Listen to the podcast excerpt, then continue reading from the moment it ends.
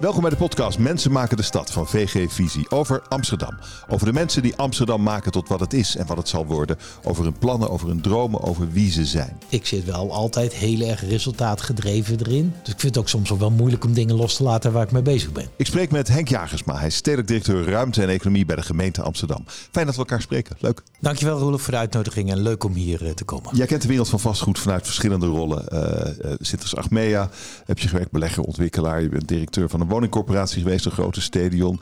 Uh, je hebt ook ooit nog eens bij de gemeente Den Haag gewerkt als uh, directeur financiën, volgens mij, stedelijke ontwikkeling. Even in de politiek aan het begin van je carrière.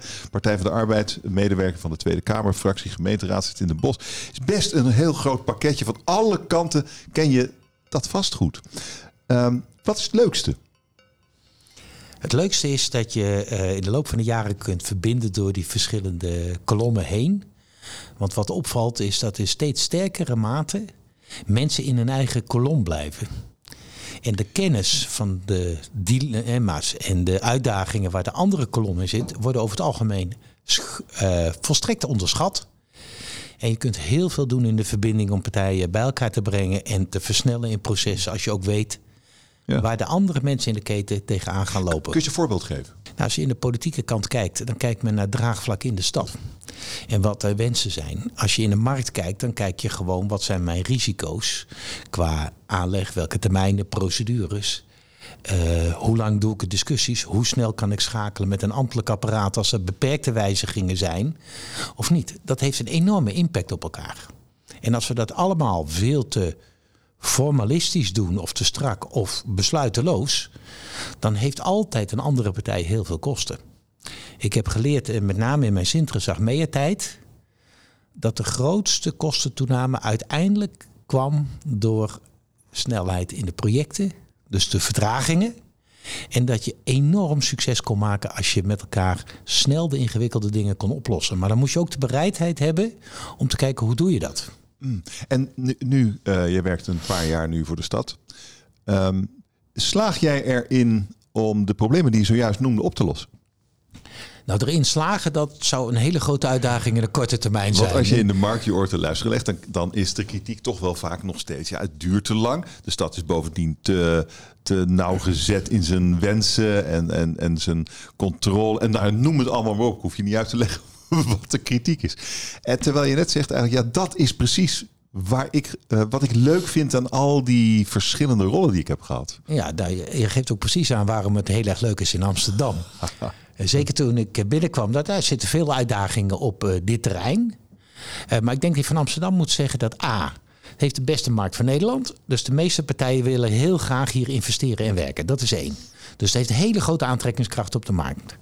Twee, Amsterdam heeft ook, eh, durf ik wel te zeggen, de beste mensen ambtelijk in huis. En ook de sterkste procedures. Maar ook heel veel politieke wensen. En sommige dingen zijn in de loop van de jaren zo strak uitgewerkt dat het lang duurt. Dus we zijn in Amsterdam ook heel nadrukkelijk bezig om te kijken hoe kunnen we procedures, processen aanzienlijk versnellen, de contacten met die markt verbeteren. En daar krijgen we ook veel complimenten voor. Maar het is wel op een aantal terreinen iets van een lange adem. En zo hebben wij in huis ontzettend veel formele uh, ambtelijke toetsings- uh, en adviescommissies waar je langs moet met die projecten. Nou, dat zijn we uh, aan het hervormen om ook gewoon maanden tijd te winnen in de processen die er zijn. En we willen wel de kwaliteit handhaven, maar dat denken we dat we kunnen met onze organisatie. Vanuit de markt komen ook nog vragen. Kunnen jullie niet wat globaler kijken, vaak naar de plannen? Ja, dat wilde ik zeggen. Ja, precies. Niet, niet zo precies. Ik snap dat. Hè. Soms zeggen we ook wel eens gekscherend. Af en toe hebben we in Amsterdam de neiging om de kleur van het kozijn mede te willen bepalen in onze uitgangspunten. Dat is overdreven. Aan de andere kant, je moet altijd in een evenwicht blijven. Amsterdam is zo'n aantrekkelijke stad omdat ze echt koersen op kwaliteit. En dat wil je overeind houden. Hmm. En ik snap best dat, en, en daar zit een spanning. Want binnen een project dan heb je altijd mensen die dat binnen hun financiële kaders voor elkaar moeten krijgen. En als je niet goed oplet, sneuvelt dan heel vaak de kwaliteit. Nou, dat willen we in Amsterdam in ieder geval voorkomen. En tegelijkertijd moet je aan de voorkant niet doorschieten. Dus dat is een, een evenwicht zoeken tussen de belangen van de stad die hoge kwaliteit wil en marktpartijen.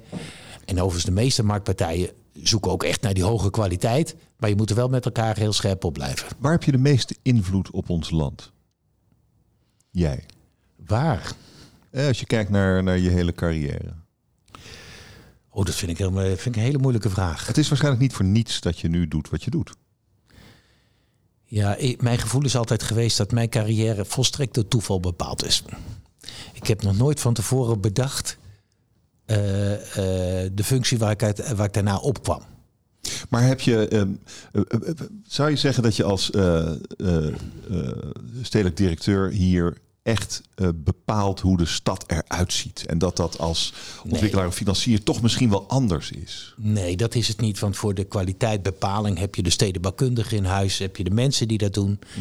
Dus waar je veel meer op eh, grip op probeert te krijgen is wat zijn de grote opgaven waar de stad voor staat. Dus dat is in Amsterdam met alle respect de gespannen woningmarkt, maar ook wel voor een deel de gespannen kantorenmarkt en de mobiliteitsopgaven.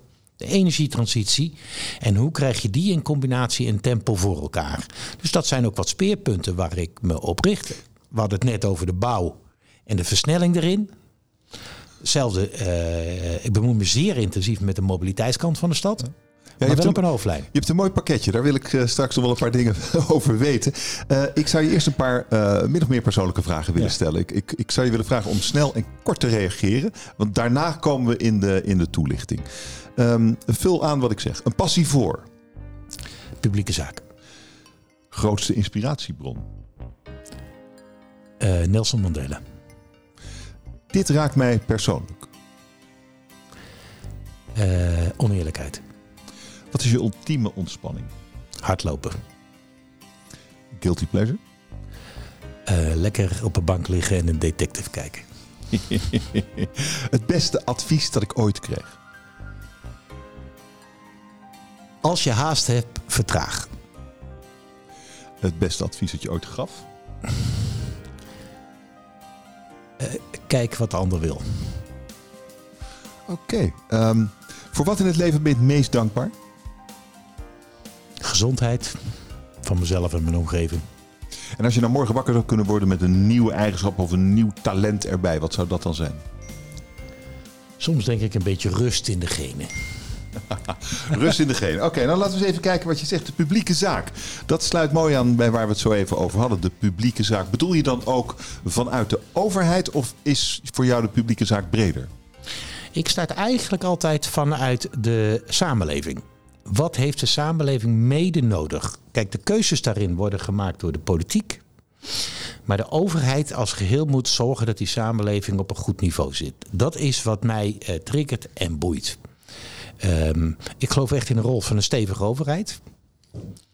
Eh, met ook echte verantwoordelijkheden. En dat wil niet zeggen een bemoeizuchtige overheid, maar overheid creëert ruimte en beperkt ruimte. En dat is volgens mij goed, omdat dat vertrouwen kan geven voor mensen individueel, maar ook voor marktpartijen. Je wil dat je afspraken kan maken en dat die afspraken geldig zijn.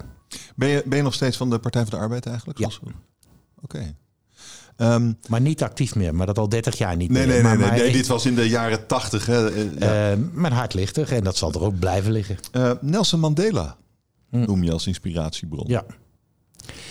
Dat komt, ik heb ooit eh, in, eh, heel ver geleden, toen ik woordvoerder van Wim Kok was, eh, een aantal ontmoetingen eh, gehad met Nelson Mandela in Davos. En ik herinner me als de dag van vandaag de rillingen die over mijn lijf gingen toen ik hem voor het eerst een hand gaf. Want ik schrok. Ik was bang dat ik al zijn botten zou breken, zo fragiel was het. En als die sprak met een uitstraling en een echt diep van binnen overtuigde verzoeningsstrategie. Ondanks alle ellende die hij mee had gemaakt. En hoe hij echt alles erop focuste. Hoe zorgen we dat mensen die elkaar jarenlang uitgemoord hebben. in vrede met elkaar gaan samenleven, denk ik. Wat is dat een kracht die daaruit komt? En dat iemand dat kan. Ik vind dat zo bewonderenswaardig. Ehm, ja, dat is, dat is bij mij gewoon altijd gebleven. Ehm, nou, je loopt hard en je ligt graag op de bank. Dat is een mooie tegenstelling. En misschien hoort het ook wel. Er is balans. In ieder geval Eh, als je haast hebt, vertraag. Dat is ook wel eens vast een Chinees spre- spreekwoord of zo. Ik zou het niet weten, maar Maar dat is een mooie. Wanneer kreeg je dat advies? eh, dat, is, ja, dat is toch een aantal jaren geleden. Van wie? Weet je nog van wie? Nee, dat weet ik niet. Je hebt het wel onthouden. Ik heb het wel onthouden, omdat de toelichting erbij was heel eh, mooi. Men zei, Henk, je hebt een drive, je wil snel, je gaat snel. Ehm, Maar voor je het weet, vergeet je de mensen die je mee moet nemen. En daardoor ga je uiteindelijk veel langzamer. Ehm, dus als je die mensen nou goed meeneemt, dan gaat alles veel sneller. En eigenlijk was het een combinatie met mijn hobby hardlopen, waarin dat ultiem bewezen werd. In een marathon lopen, ik heb een stuk of twaalf gedaan, is het de essentie dat je de eerste 20 kilometer inhoudt. Want de, je eindtijd wordt uiteindelijk toch bepaald door de laatste 10 kilometer. Als je namelijk in het begin hard gelopen hebt, ben je aan het eind kapot. Ja, en dan ga je wandelen en dan verlies je heel veel tijd. Maar als je energie over hebt, kun je versnellen in de tweede helft of in het laatste kwart. Dat is het beste. En dan heb je ook altijd de beste eindtijden. En ik vond deze combinatie zo mooi. Ik denk, hé, hey, ja. dit is de beheersing. Dus je moet met een marathon, als je alle kracht voelt, consequent met de handrem oplopen. En pas tegen de tijd uh, uh, dat, dat je richting het eind komt, het laatste kwart, dan kun je gaan. En dat zit natuurlijk in je werk exact hetzelfde. Dat is eigenlijk exact hetzelfde. Daarom vond ik die parallel zo leuk. Um, en uh, de koopman spreekt als je zegt, kijk wat de ander wil. Of niet? Ja en nee. In, de, in de publieke zaak is dat deels belangrijk. In de markt veel belangrijker. Maar je bent succesvol als je alle twee succesvol kunt zijn als jij een onderhandelingsslag maakt of een, uh, probeert afspraken te maken waarbij de ander dus heel slecht uitkomt, dan heb je een slechte afspraak, want dan komt het in de rebound toch weer terug. Dus het is ontzettend belangrijk om goed te bekijken waar zitten de risico's voor degene waar je afspraak mee wil maken voor de ander. Dus als je ook een moeilijk project hebt, waar zit het probleem? Niet van jezelf, vooral van die ander. En probeer dan na te denken hoe je de dingen gaat verbinden. Hmm. En dat is een interessante opgave, omdat mensen over het algemeen ook niet direct aangeven of willen aangeven waar hun eigen problemen zitten. Dus dat moet je uitzoeken. En een, uh, een talent erbij, dat zou rust zijn, zeg je. Je haastig mens. Ja, ik wil altijd veel, veel meer. En uh, een dag heeft maar een beperkt aantal uren, ook hoezeer je dat kunt oprekken. Um, dus, maar dat is wel wat ik durf te zeggen dat ik in de afgelopen jaren wel geleerd heb. Meer even de rust te nemen, luisteren naar anderen. Uh, dat um, werkt. We hadden het net over uh, het, het, pakketje dat ongeveer uh, de hele toekomst van ons land bestaat. En dat jij tot jouw verantwoordelijkheden rekent. Uh, het oplossen van het woningtekort, de, de klimaattransitie, noem het allemaal maar op. laten we eens, jou, jouw functie heet ruimte en economie. Um, laten we beginnen met de ruimte. Wat, wat is er essentieel om Amsterdam te laten groeien, om te vo voorzien in voldoende huizen? Uh, de ontsluiting voor de mensen, dus uh, dat de mobiliteit op de goede manier kan worden georganiseerd. Ja, dat Noord-Zuidlijn. Uh, dat is een dingetje. Het tweede is dat je bij de groei ook die voorzieningen kunt doen die nodig zijn. Denk aan maatschappelijke voorzieningen, denk aan scholen. Dus je moet toch die complete stad blijven werken. En je wil een gezonde stad houden.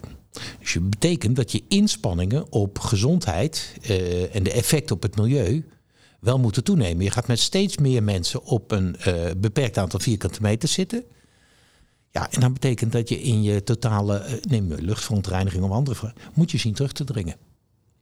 Um, Oké, okay. uh, maar ruimte om voldoende huizen te bouwen. Hoeveel huizen moet Amsterdam wel niet bouwen de komende jaren? Als je kijkt naar het, de totale woningbehoefte in ons land. Er moet heel snel iets gebeuren. Ja, nou, Amsterdam bouwt op dit moment, de ambitie is 7.500 woningen per jaar start bouw. Voor, voor deze collegeperiode, dat is immens veel. Als je kijkt naar de totale Nederlandse productie. Vorig jaar hebben we dat niet gehaald, uh, ongeveer 6000. Maar bedenk wel, niet alles uh, kun je als een maatlat plannen. En we hadden een coronajaar waarbij in de hele keten heel wat hiccups waren. Want neem maar even, als je werkt met buitenlandse werknemers, die waren weg. Als je buitenlandse materialen moest hebben vorig jaar, die kwamen niet. Dus je kreeg heel veel onzekerheid en vertraging. Nu zijn de bouwkosten immens. Nu stijgen de bouwkosten weer. Uh, tot op heden gaat het dit jaar in de start voorspoedig. Dus we hebben goede hoop dat we deze ambitie uh, van het college die er is, dus eigenlijk een opdracht van onze organisatie, kunnen waarmaken. Ik denk dat het belangrijk is dat je in deze orde groter, gegeven de Amsterdamse woningmarkt, ook in de komende 10, 20 jaar doorgaat met bouwen in de stad. Oké, maar dat, wat hier essentieel is in, in, dat, uh, in het deel ruimte is, denk ik, mobiliteit. We hadden ja. het even over die Noord-Zuidlijn. uh, het doortrekken van de Noord-Zuid. De mobiliteit, je moet veel stations hebben. ProRail kwam er een paar dagen uh, of vandaag volgens mij mee, het moment dat we elkaar spreken. Er moeten veel stations zijn, er moet, er moet veel openbaar vervoer zijn. Wat, wat zijn daar op dit moment de grote hiccups? Ehm, voor Amsterdam is de grootste inzet die we nu aan het doen zijn, is wat wij noemen de opschaling van de metro. Dat is het sluiten van de kleine ring vanaf de isolatorweg, dus vanaf Sloterdijk is dat ongeveer, naar het Centraal Station. En de aanleg van de uh, Noord-Zuidlijn tot aan Hoofddorp. En is, is, dat, is dat nog niet klaar? Nee, uh, we zijn nog niet, uh, met alle voorbereidingen bezig.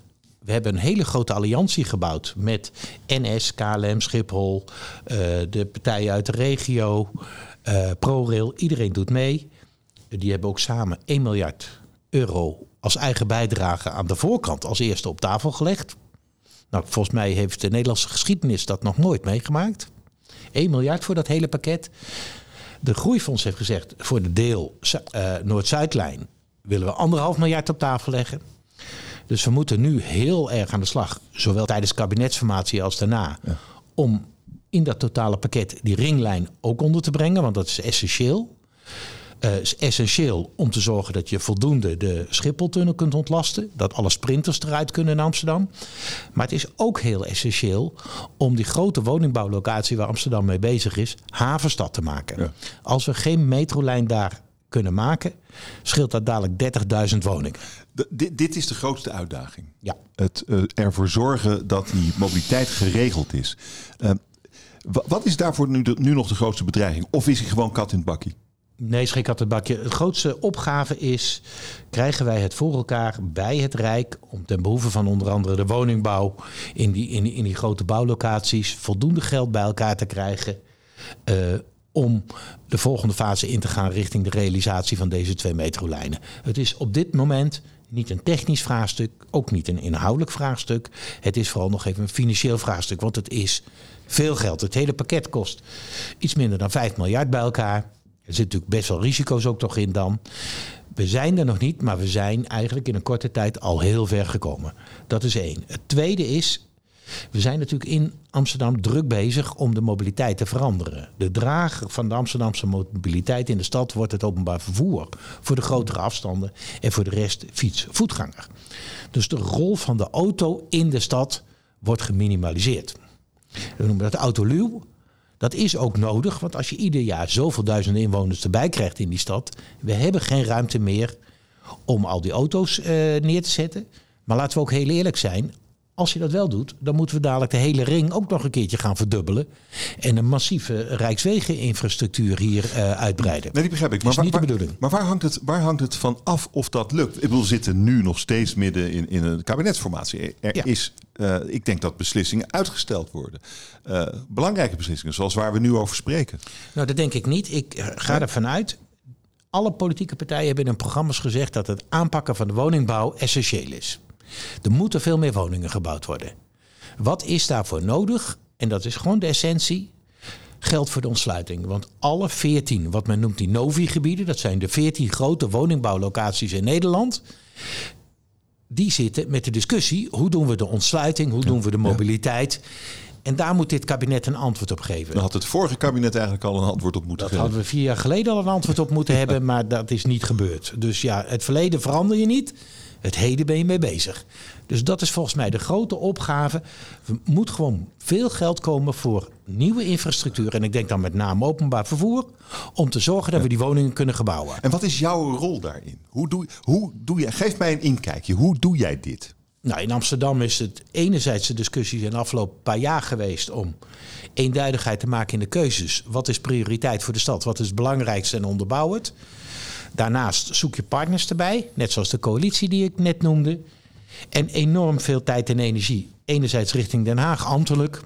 En anderzijds ook uh, met wethouders, maar ook de burgemeester. Die allemaal zeer actief zijn in de route naar Den Haag. om te zorgen dat dit voor elkaar komt. Maar, maar wat, is dan, wat is dan precies jouw rol? Hoe, hoe doe jij dat? Ik bedoel, het is, je bent ja, eh, eh, directeur stedelijk. Het is een ruimte en economie. Het is een fantastische functie, lijkt me. Maar ik heb eigenlijk geen idee wat een directeur stedelijk ruimte en economie doet de hele dag. Maar kun je me vertellen hoe, hoe, hoe, uh, hoe, hoe duw jij uh, het he dat hele immense grote project in de goede richting? Uh, door te zorgen, even, even een belangrijkste rol die ik voor mezelf altijd heb gezien is. Uh, kom tot een heldere prioriteitsstelling. Je ziet heel vaak in Nederland dat je zegt van dit is belangrijk, dat is belangrijk. Uh, toen ik binnenkwam, ook in Amsterdam, er waren veel wensen, in, ook in de hele regio, rondom alles wat er moet gebeuren in infrastructuur. Als je dat dan optelt, heb je het over tientallen miljarden.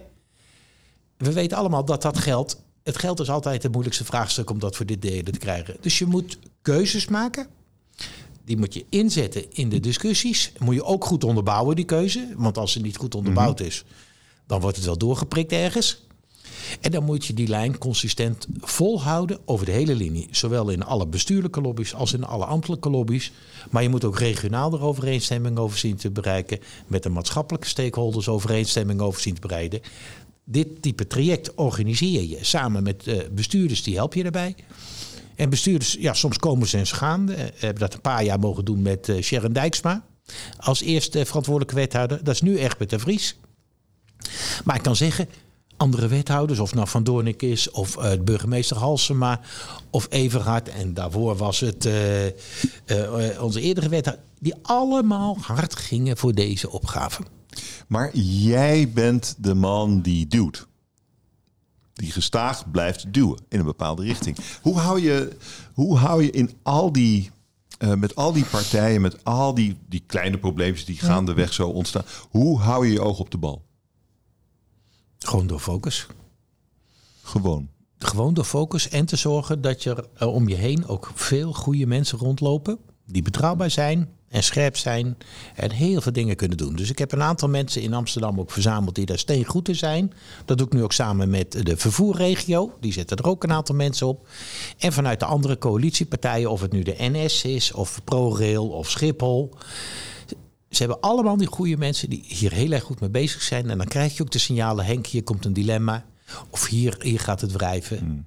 Dus je probeert dat uh, vooral altijd als team te doen. En ik ben er altijd uh, steeds meer van overtuigd geworden. Naarmate je dat team sterker maakt, wordt je zelf overbodiger. Maar het wordt wel effectiever. En dat is een heel mooi, uh, mooie stap. Ja, maar, ben je al zover? Dat mogen anderen altijd over mij zeggen. Voel je je al overbodig? Uh, ik, ik, niet, maar dat kan gewoon een persoonlijke eigenschap zijn.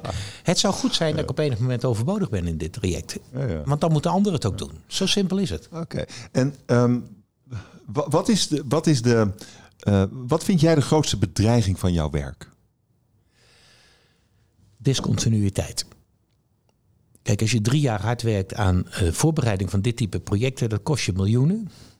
Dat, moet je, dat type werk moet je waarmaken en je moet het afmaken. Dus bewaken van die prioriteitsstelling, um, dat helder kunnen blijven onderbouwen naar het bestuur.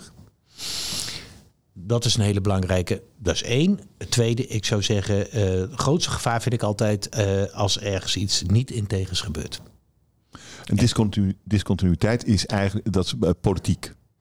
Dat kan, maar als de politiek is... echt bewust kiest voor een andere keuze, dan zeg ik dat is de verantwoordelijkheid van de politiek. Zo simpel is het ook. Is het nog steeds een bedreiging van wat je wilde natuurlijk? Ja, maar dan ben ik heel eerlijk. De politiek mm. is gekozen door onze burgers om de richting te bepalen. Natuurlijk. En dan is de mening van een meneer Jagers maar niet interessant meer. Dus in de discontinuïteit is dat niet. Maar we zien altijd dat marktpartijen, ambtelijke organisaties... iedere dag nieuwe dingen kunnen bedenken. En die moeten er niet doorheen verstoren. Dat is okay. een andere vraag, uh, ja, vind ik. Als een bestuurkeuze... Mensen zeggen, goh, uh, we willen dat openbaar vervoer niet, maar we willen allemaal met de fiets en met de auto. Ja, dan krijg je een andere opgave voor de inrichting van je stad en van je land. Heb jij wel eens het gevoel dat de, dat de markt uh, tegenwerkt in plaats van meebeweegt met wat jij wilt? Uh, hoe dan? Ja, dat wisselt altijd. Dat maar, wisselt. Geef eens een voorbeeld daarvan. Nou kijk, wat, wat nog niet lukt is om samen met de markt, denk ik, echt een strategie uit te werken waarin je ook samen de bijbehorende infrastructuur in een complete stad kunnen maken. Ik zou het mooi vinden als de markt veel meer dat geïntegreerd oppakt. Misschien moet de overheid daar ook wel wat in uh, veranderen. Hoe zou dat eruit moeten zien? Geïntegreerd oppakken, wat is dat? Uh, dat je in grotere gebieden alles meeneemt. Zie, we zien wel een paar voorbeelden, hè, maar dat je ook de markt moet zelf ook meedenken vanuit uh, de maatschappelijke voorzieningen. Maar je ziet vaak de druk van de markt is toch van ik moet het hoogste rendement uit deze projecten halen. En overigens altijd, tenminste komt bijna altijd tegen, dat er ook een enorme gedrevenheid is bij marktpartijen om hoge kwaliteit te realiseren. Dat is wel heel mooi. Maar het meedenken over krijg je zo de goede gemengde stad, de totale stad bij elkaar, dat is toch nog wel een verschil. En hoe zou jij dat doen als jij de markt was? Nou, dat was ik een aantal jaren geleden. Eh, eh, eh, ik weet dat wij in de vastgoedcrisis met Sinter Achmea heel bewust toen de strategie hebben gekozen om met de pensioenfondsen samen toen massief in te zetten op de bouw van middendure huurwoningen. We hadden, het was nog een ander beeld als nu. Hè. Toen, in die tijd waren beleggers eigenlijk nog nergens welkom. Dus dat moesten we belobbyen. En we hadden wel een soort bovengrens waarboven de huren niet uit mochten komen. Want anders hadden we de inschatting dat uh, dat, dat risicovol werd. Nou, die bovengrens die lag uh, op 1000 euro per maand. Dat vroegen wij ook voor penthouses uh, van 80 vierkante meter in Amsterdam wow. in die tijd. even dus in die zin over het geheugen van mensen. Ja. Dit is totaal veranderd en veel gekker gegaan dan iedereen heeft gedacht. Um, maar het geeft ook aan hoeveel tijd je nodig hebt om nieuwe marktsegmenten toe te voegen. De vrije sector huurmarkt is de facto pas een rol gaan spelen na de vastgoedcrisis van 2008. Voor die tijd was dat een marginale markt. En ja, je hebt gewoon 30 jaar nodig om zo'n marktsegment goed op te bouwen. Mm, maar, we, maar zie je het nu dan de goede kant op gaan? Ja, Deels. Ja. Deels. Um, Verrast me eigenlijk wel.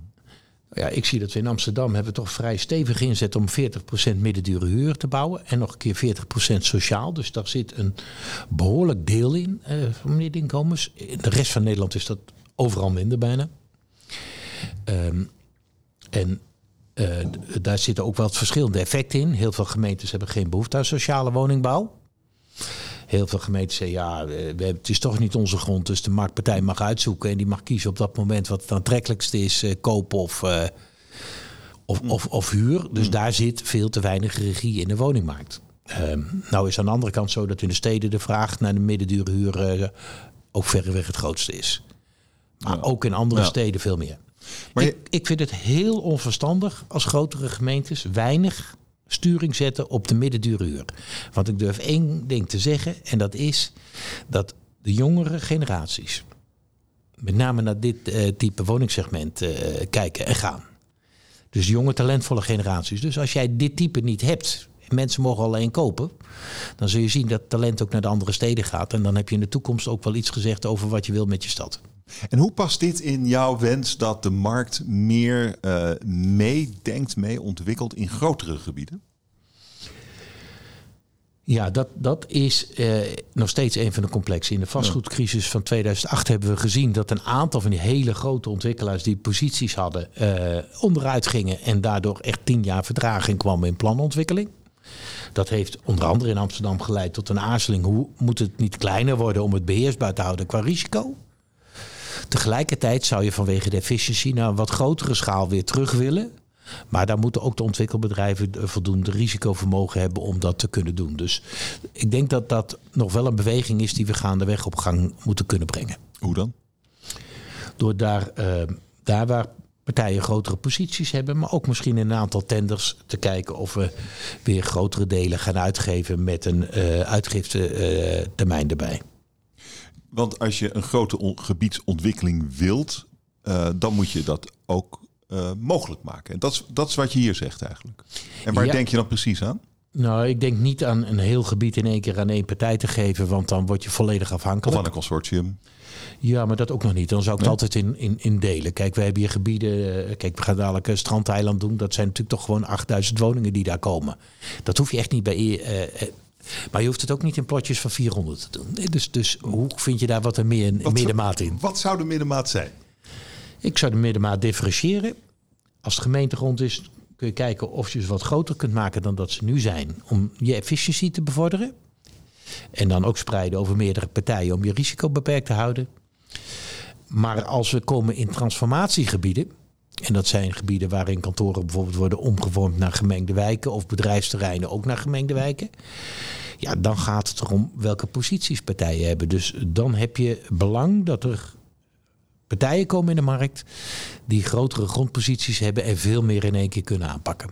Want dan is het niet de gemeente degene die het aankoopt, dan zijn marktpartijen die het aankopen. Dus dan zijn de marktpartijen aan het aan zet. En ja, soms spreek ik en een aantal weet ik zijn ermee bezig, maar dat mogen ze zelf over gaan communiceren. En ik zie daar wel een aantal goede ontwikkelingen in. Dat ik zie dat daar tussen samenwerking van grotere beleggers en ontwikkelaars. Uh, dat men dat andere schaalniveau hier begint op te pakken. En dat is een goede ontwikkeling. En wat betekent dat voor de, voor de gemeente Amsterdam? Hoe moet je daar dan uh, want je wilt daar natuurlijk toch controle over hebben. Eerder in ons gesprek zei je van ja, je moet, je moet toch wel het speelveld bepalen eigenlijk. Nou, Hoe doe je dat dan in zo'n nou, opzet? De gemeente heeft voldoende instrumenten om dat te doen. Want wij maken natuurlijk de stedenbouwkundige plannen, de bestemmingsplannen. Ja. Uh, stellen daar de kwaliteitseisen aan. Uh, we hebben in Amsterdam ook nog de erfpacht, waarmee uh, uh, over de meerwaarde nog een afrekening volgt. Zo oh, die blijft dan ook? Die blijft bij Amsterdam. Dat blijft. want ze kopen wel de opstallen, maar de grond is erfpacht en blijft Amsterdam. En als er iets veranderen, dan moet je bijbetalen. Dat is de methode van Amsterdam. Ook in zo'n nieuwe ontwikkeling? Ook in nieuwe manier? Zeker in die nieuwe mm. ontwikkelingen. Want dan kun je veel geld in verdienen. zowel als marktpartij als als stad. En samen moet je dat gewoon goed optimaliseren. Daar ben ik ook heel uh, nuchter in. Die doe je. Dus daar moet je op een andere manier, en misschien op een wat grotere uh, lijn, hoofdlijnen kijken. Hoe gaan we deze gebiedsontwikkeling aanpakken? Waar zitten de verliesposten? Waar zitten de, de, de winkansen? Mm. Uh, maar hoe trek je door dat hele gebied heen ook een goede nieuwe lijn qua duurzaamheid, qua programma en qua kwaliteit? Dus je gaat op een ander hm. niveau het gesprek voeren. Je hoeft niet alles uit te tekenen, maar je moet daar een soort nieuwe balans in uh, bouwen. Ik zie daar wel ontwikkelingen komen. En die zouden, uh, maar je weet, planontwikkelingen duren jaren. Ja. Uh, dus dat duurt nog wel even voordat het op, op de markt ligt. Is dit jouw hand die we in de stad zien? Nee hoor, het is, het, is niet ja, zo Niet zo bescheiden doen, niet zo Nee, het is niet. Alles is teamwork en samenwerking tussen mensen. Dus even te dominante uh, personen of partijen remmen vaak alleen maar wat er gebeurt. Dus je moet veel meer zorgen. Doe het samen. En heb de openheid ook om naar elkaar te luisteren en te kijken hoe je kunt versterken. Maar spreek ook uit wat je graag wil. Dan kan de ander daarop inspelen. Denk je dat de markt een beetje van je houdt? Moeilijke vraag ik denk dat ik door de linie met de meeste mensen redelijk goed contact heb. En uh, kijk, als men knelpunten tegenkomt, belt men ook heel vaak. Maar ik ben wel op één ding heel helder. Ik onderhandel niet over de concrete casussen met marktpartijen. Soms spar ik wel. Zeg, goh, dan weet je, het zit, zit uh, vast. Maar dan spar ik vanuit oogpuntverkenning waar liggen de knelpunten, zowel aan onze kant in de gemeente als aan die marktkant. En daarover eh, overleg ik dan even met betrokkenen. Ik zeg, volgens mij is dit het spanningsveld. Hoe gaan we daar eh, de oplossing in creëren? Wat wil dus de ander? Wat wil die ander erin? En hoe, kun je dat bij elkaar? En is dat acceptabel? Is het alleen een grapje om een prijsonderhandeling te doen? Die hoort altijd bij, hè? Dat de markt wil onderhandelen over prijzen, dat snap ik. Het hoort bij het spel. En dan moet je op een gegeven moment zeggen, nou is het afgelopen. Maar soms zitten er ook hele reële punten in. Dan moet je even kijken hoe je dat schakelt. En ja, je moet. En daarom zeg ik, het is zo belangrijk dat je van elkaar weet wat belangrijk is. En dat je niet elkaar denkt over de ander wat de ander belangrijk vindt. Dat kom je in alle facetten altijd tegen. Wat, uh, wat wil je nog doen eigenlijk in het leven? Oh, een heleboel. Uh, nou ja, ik bedoel uh, professioneel misschien als je wil. Uh, je, bent, je bent al lang niet oud. Uh, je, hebt, uh, je, je, hebt een, een, uh, een veelheid aan dingen gedaan. En misschien is er nog wel iets wat je zou willen doen ooit. Ik heb rond mijn 23ste al afgeleerd om ooit nog na te denken wat ik hierna wil doen. En soms rispen dat op. maar alle dingen die ik ooit bedacht heb, zijn het in ieder geval niet geworden. En daarom heb ik al heel lang geleden gezegd, laat maar zitten. Ik zie wel. Het is schitterend waar toeval je kan brengen, toch? Ja, en dan heb je ook geluk. Ik bedoel, het is een beetje geluk. Het heeft te maken met de plek waar je toevallig zit, de tijdstip, een mm. paar mensen in je omgeving. En iemand belt weer iemand anders. Eh, eh, dus er zit een grote geluksfactor bij. Kennelijk pas je voor iets en dan eh, gaat dat zo verder. En ik zit niet gebakken in één kolom of in één plek of wat dan ook. daar ben ik open in. Ik zit wel altijd heel erg resultaatgedreven erin. Dus ik vind het ook soms wel moeilijk om dingen los te laten waar ik mee bezig ben. Je bent al lang niet klaar in Amsterdam. Maar je bent in deze stad er geen 100 jaar klaar. En ik vrees dat ik die leeftijd niet ga halen. Dankjewel voor dit gesprek. Geen dank.